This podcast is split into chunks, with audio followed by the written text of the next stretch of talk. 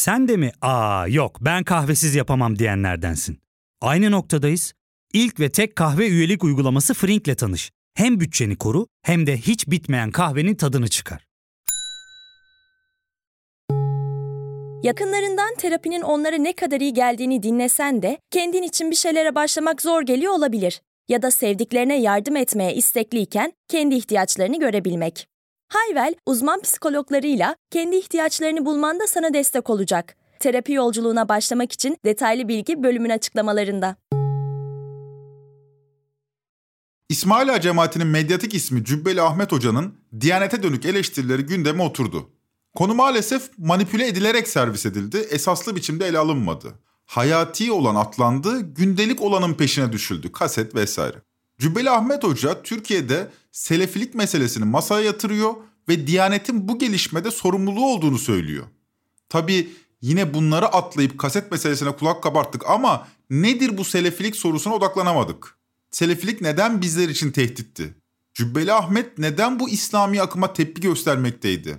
Bunların yanında bir de Türkiye'nin müesses nizamını da konuşmak lazım. Türkiye'de İslami kesim anlatıldığı gibi gerçekten merkezin dışında çevrede mi konumlanıyordu? Cübbeli'nin son çıkışıyla yerli ve milli İslamcılığı tarif etmek mümkün müdür? Hepsi ve daha fazlası bu bölümde. Ben Ozan Gündoğdu. Hazırsanız başlayalım.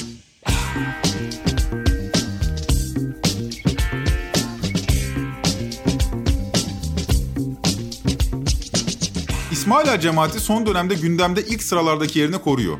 23 Haziran 2022'de cemaatin tartışmasız lideri Mahmut Usta Osmanoğlu'nun ölümüyle cemaat Türkiye'nin gündemine girmişti. Kadınların cenazeye katılmamasının rica edildiği cenaze törenindeki kalabalık Türkiye'deki cemaat gerçeğini bir kez daha hatırlattı. Aynı zamanda cenazeyi dolduran siyasetçiler de tartışma konusu oldu.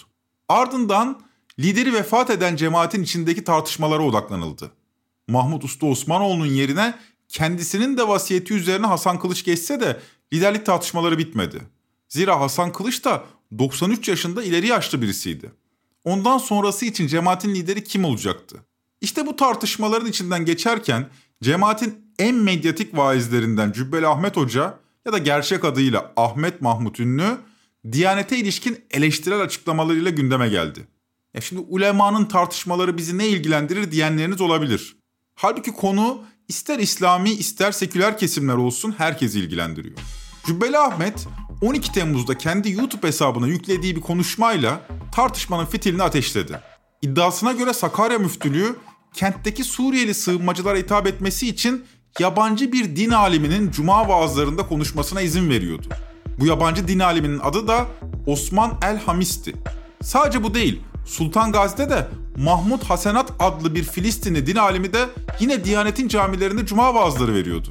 Bu kişilerin özellikleri de Selefi olmalarıydı. Arapça vaaz veriyorlar, böylece sığınmacılar arasında popüler figürlere dönüşüyorlardı. Fakat tek problem bu da değildi.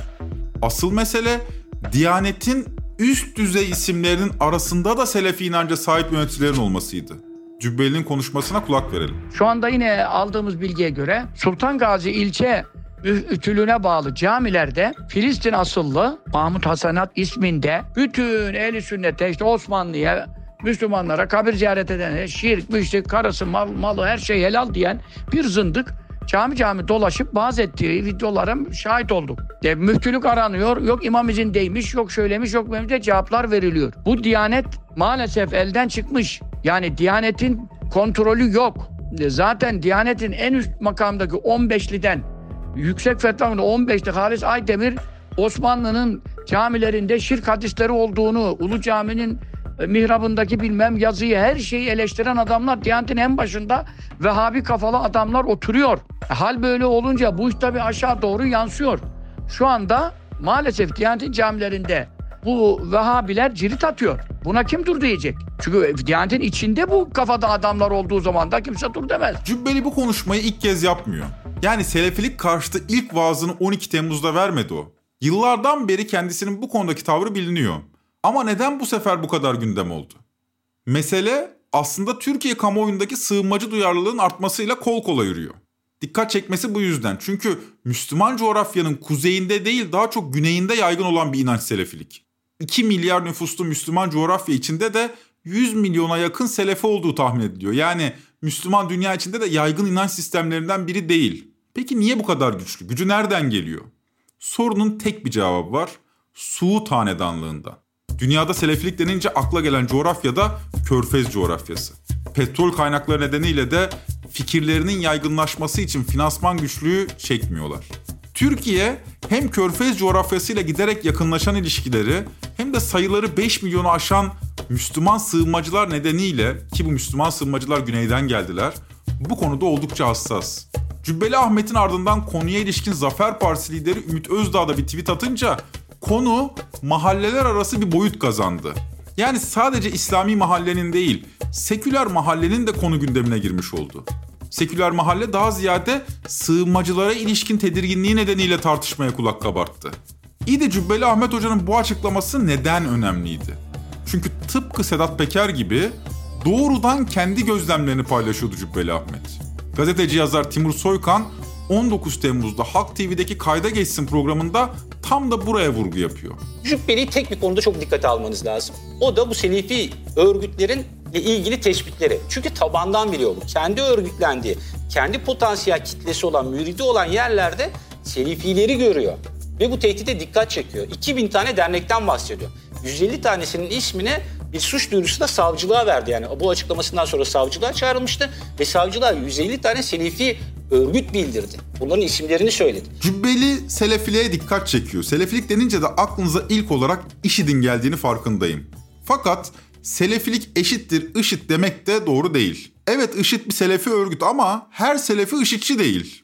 Selefilik silaha kavuştuğunda hemen hemen IŞİD, El-Kaide gibi bir örgüte dönüşüyor demek doğru olabilir belki.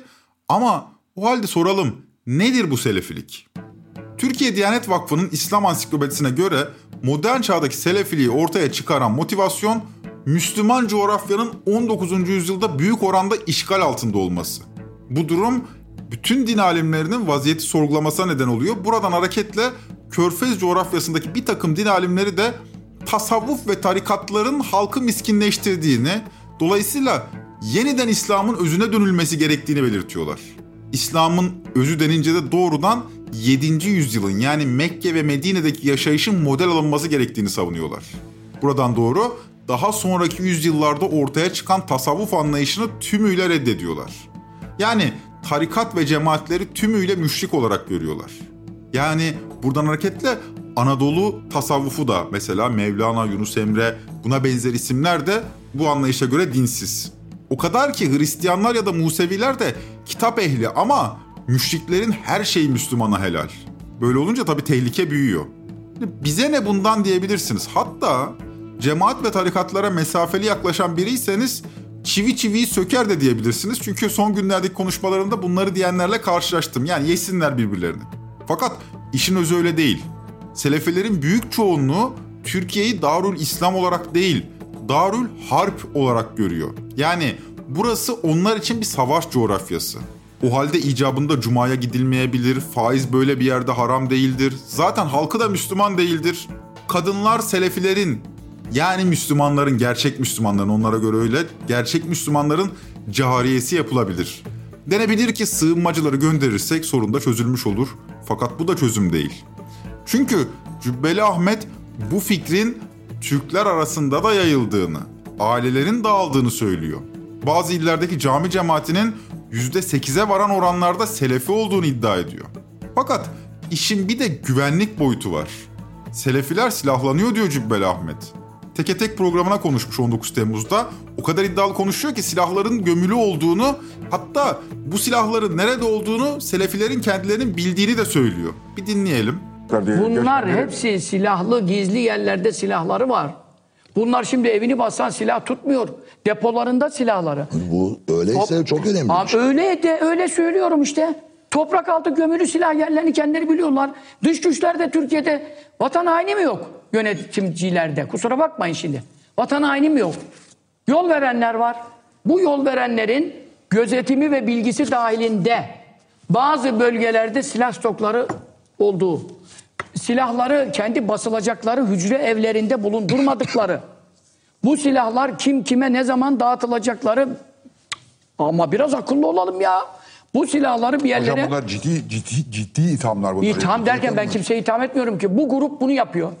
Selefi, Medhali, Cami bilmem ne şu andaki Türkiye'deki radikal Selefi gruplar efendim çok büyük tehlikelidir. Araplardan söylüyorum geçişleri.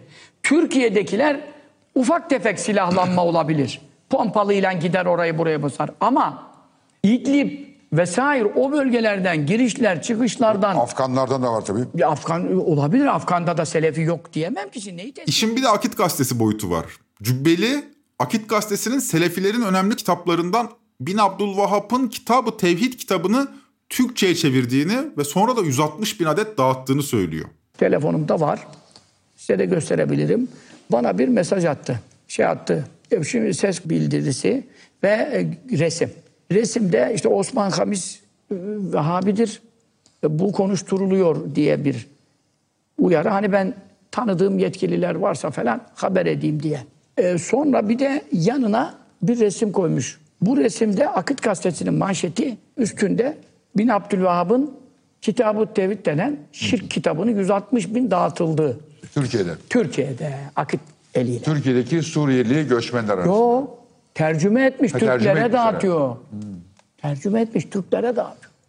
Şimdi zaten öbürleri tır tır geliyor Arapça. Fonlanan Kitab-ı Tevhid. Arapça Fatih Camisi'nin kapısında dağıtılıyor. Selefi bildiriler İsmail Han'ın dibi Beyceğiz Camisi'nin çıkışında dağıtılıyor.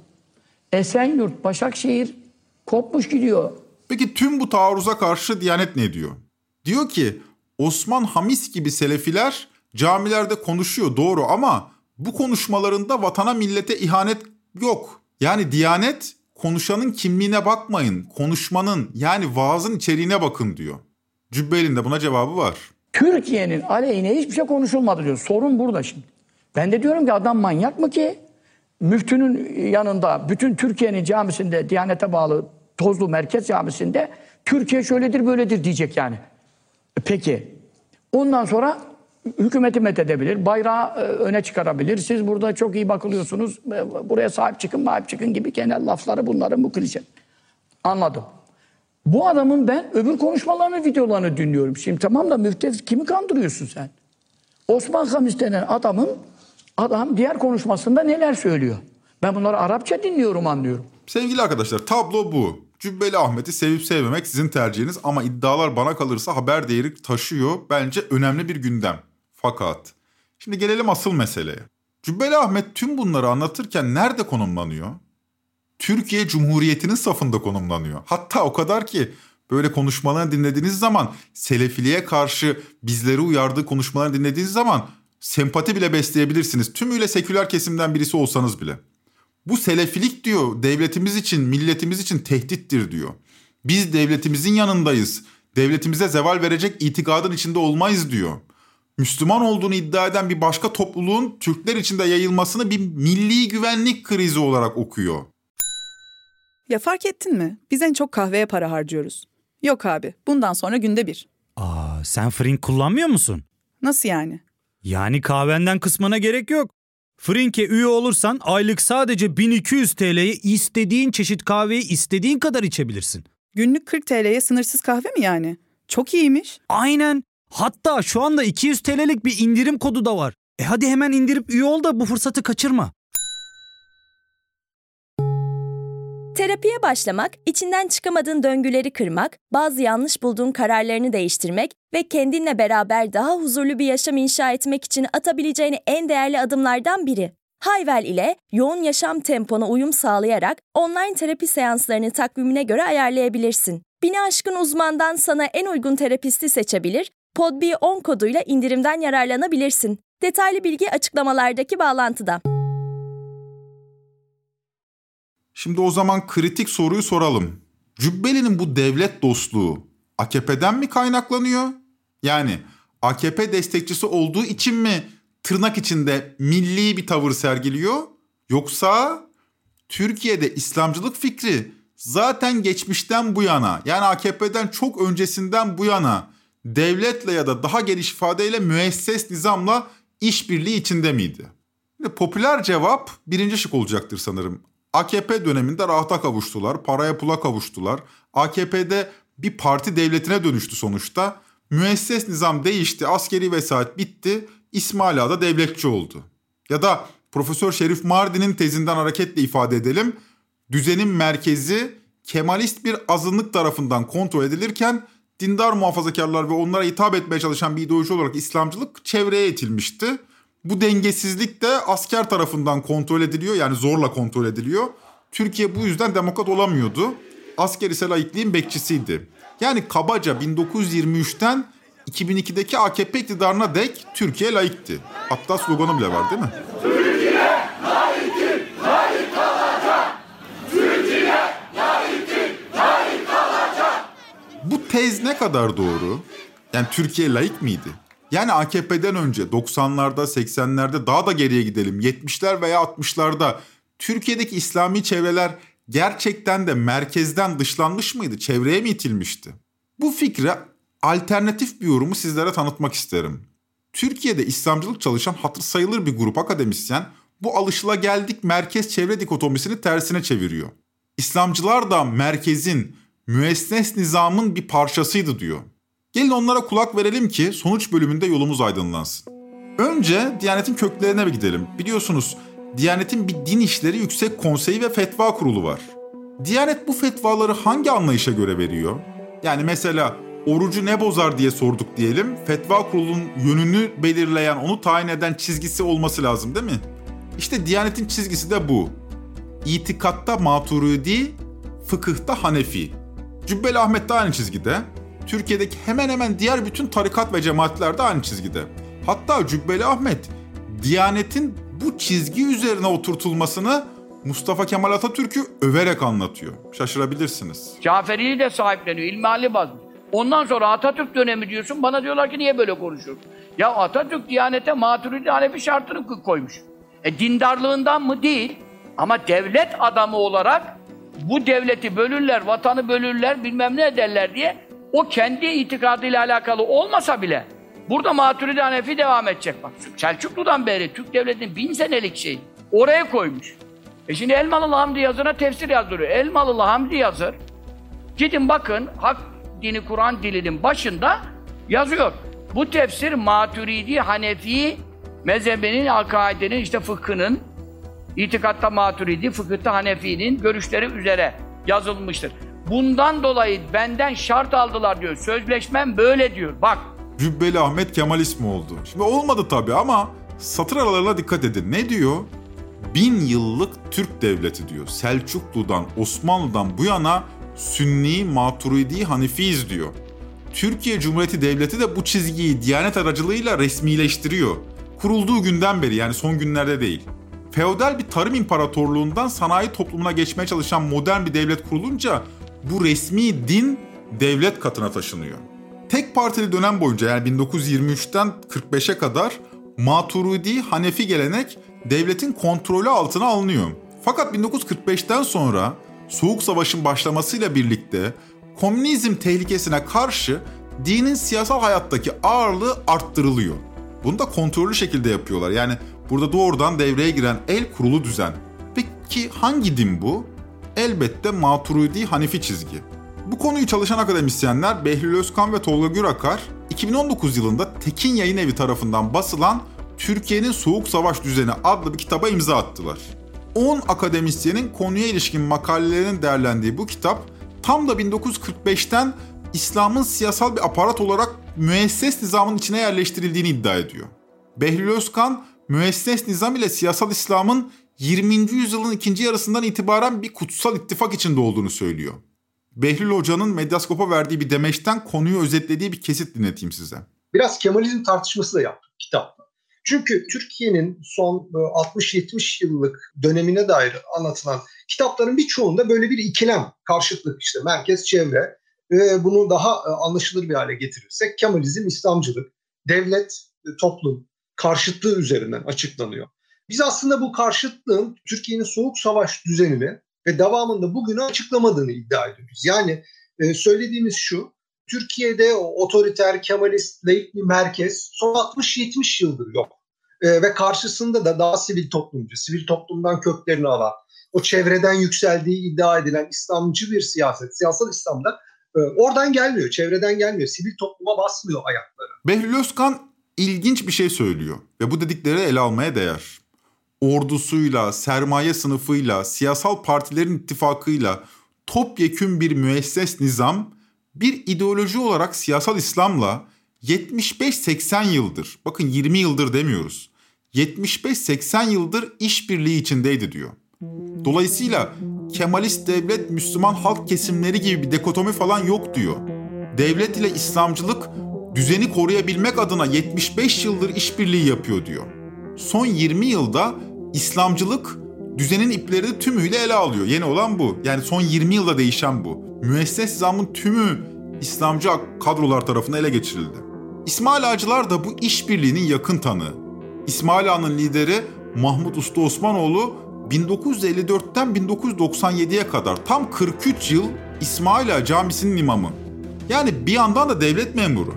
Cami İstanbul'un Fatih ilçesinin Çarşamba semtinde. İsmail Ağa cemaati bu semtte bir İslam gettosu kurmuş durumda. O halde İsmail Ağa cemaati düzen adına tehlikeli sayılsa, tukaka ilan edilmiş olsa, Mahmut Usta Osmanoğlu Diyanet'in camisinde 43 sene imamlık yapabilir miydi? Hadi dediniz ki sivil yönetimler o için buna göz yummuş olabilir. İyi de 27 Mayıs 1960, 12 Mart 1971, 12 Eylül 1980. Bu tarihlerde ortaya çıkan askeri yönetimler de bir şey demiyor. Peki nasıl oluyor da anayasasını laiklik temeline kurmuş bir devlet tümüyle şeriatçı İslami ekollerle işbirliği yapabiliyor? Bu sırra vakıf olabilmek için Türk milliyetçiliğinin 1950 ve 60'lı yıllardaki seyrine odaklanmak gerekebilir. Çünkü bu yıllardan itibaren Türk milliyetçiliği dindar muhafazakarlıkla iç içe geçmeye başladı. Başrolde ise Alparslan Türkeş vardı. Cübbeli Ahmet 1991 yılında MHP lideri Alparslan Türkeş'le görüşmesi sırasında Türkeş'in Mahmut Usta Osmanoğlu hakkındaki bir hatırasını şöyle anlatıyor. Dedi ki ya bu Mahmut Efendi dedi Mahkeme kayıtlarına baktım. Ya dedi ben böyle akıllı bir ifade veren insan görmedim. Öyle ifadeler vermiş ki ne devleti kızdırmış ne Allah'ı kızdırmış dedi. Çünkü bazen çatışıyor. Laiklik, magiklik işleri, Kur'an'ın ahkamına falan zor iş. Bir şey soruyorlar. Ya ne devleti kızdırmış ne Allah'ı kızdırmış. Nasıl bir orta yol bulmuş da böyle ikna edici dedi cevaplar vermiş. Ben dedi hayranım dedi. Devleti de üzmediler yani. Bakın Nakşi Halidi geleneğin en radikal cemaatlerinden biri İsmail Ağa kadınların çarşafa bürünmesinin erkeklerin sakal bırakıp şalvar, sarık ve cübbe kullanmasının temel şart olduğu böyle bir tarikatta yaşamın en ince ayrıntıları şeyh tarafından belirleniyor ve müritlere dayatılıyor. Kız çocukları okula gönderilmiyor. Tüm çocuklar medrese eğitiminden geçiriliyor. Tarikat eğitimi son derece teknik. Mesela ilginç gelebilir.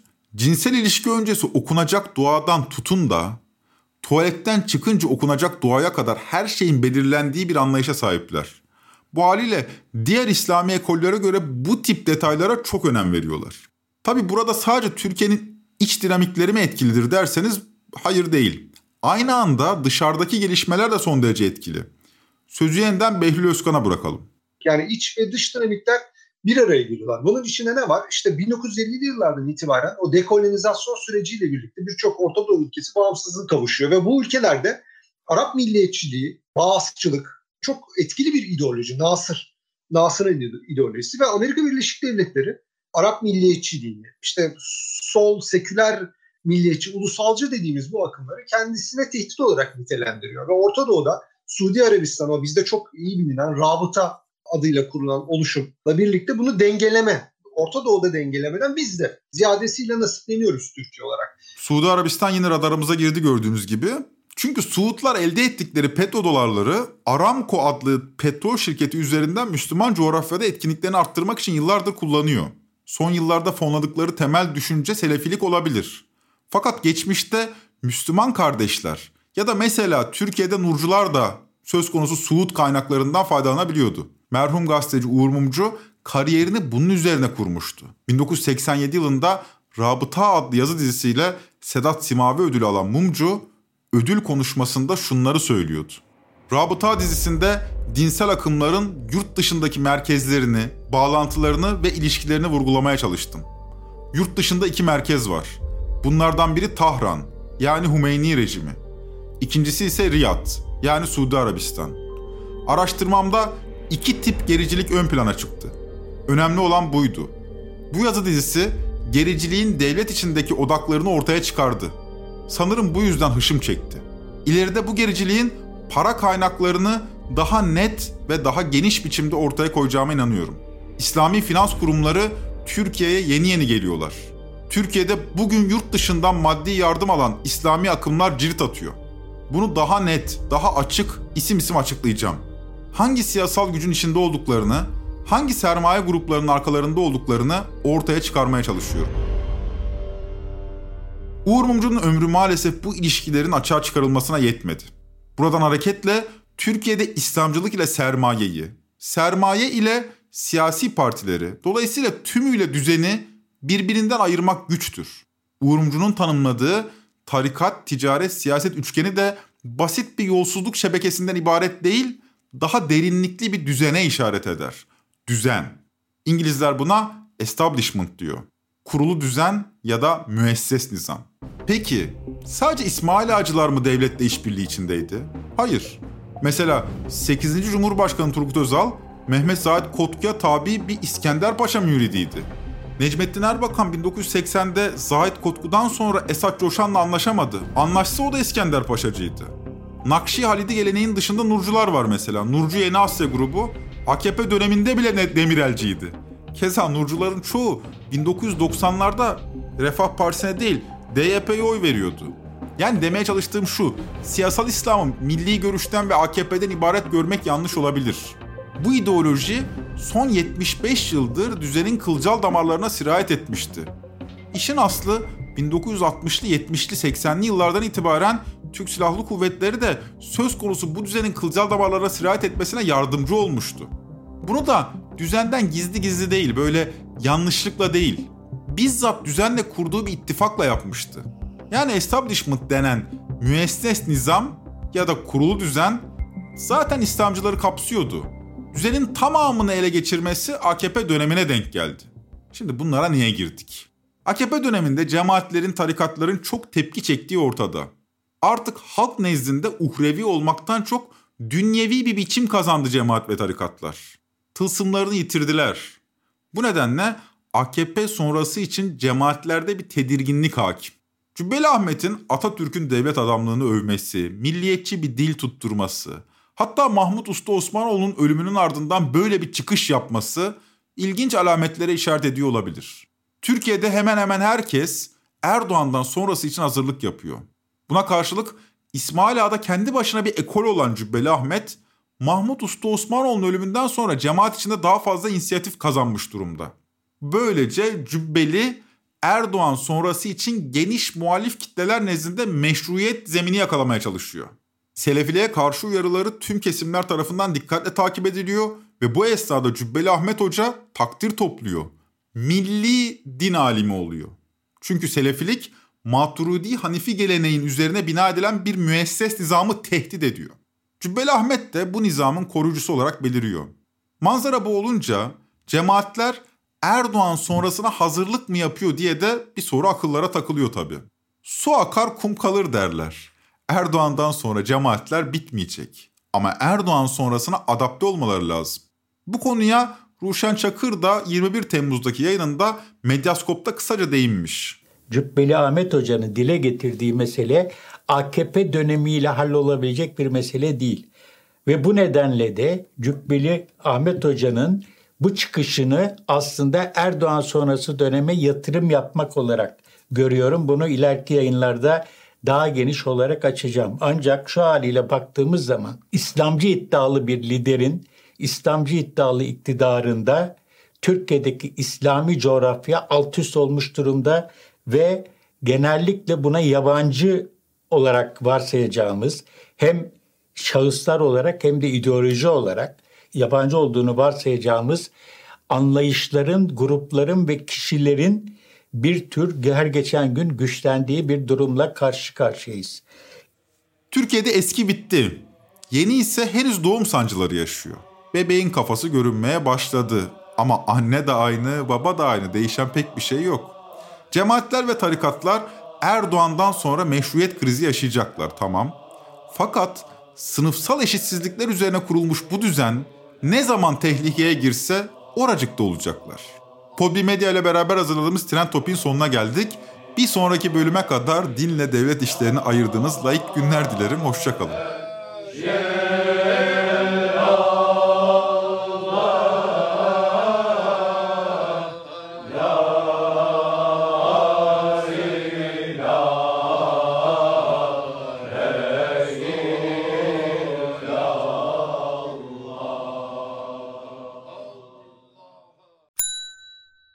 Ve tek kahve üyelik uygulaması Frink, 46 ildeki 500'den fazla noktada seni bekliyor.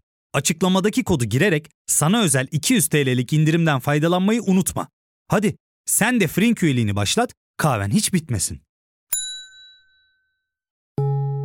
Hem bugününe hem yarınına katacaklarıyla terapi yolculuğuna ve daha iyi hissetmeye bugün Hayvel ile başla. Açıklamadaki linkten Hayvel'i indir, ücretsiz tanışma görüşmelerinin ardından bütçene uygun seans paketini seç ve terapi yolculuğuna başla.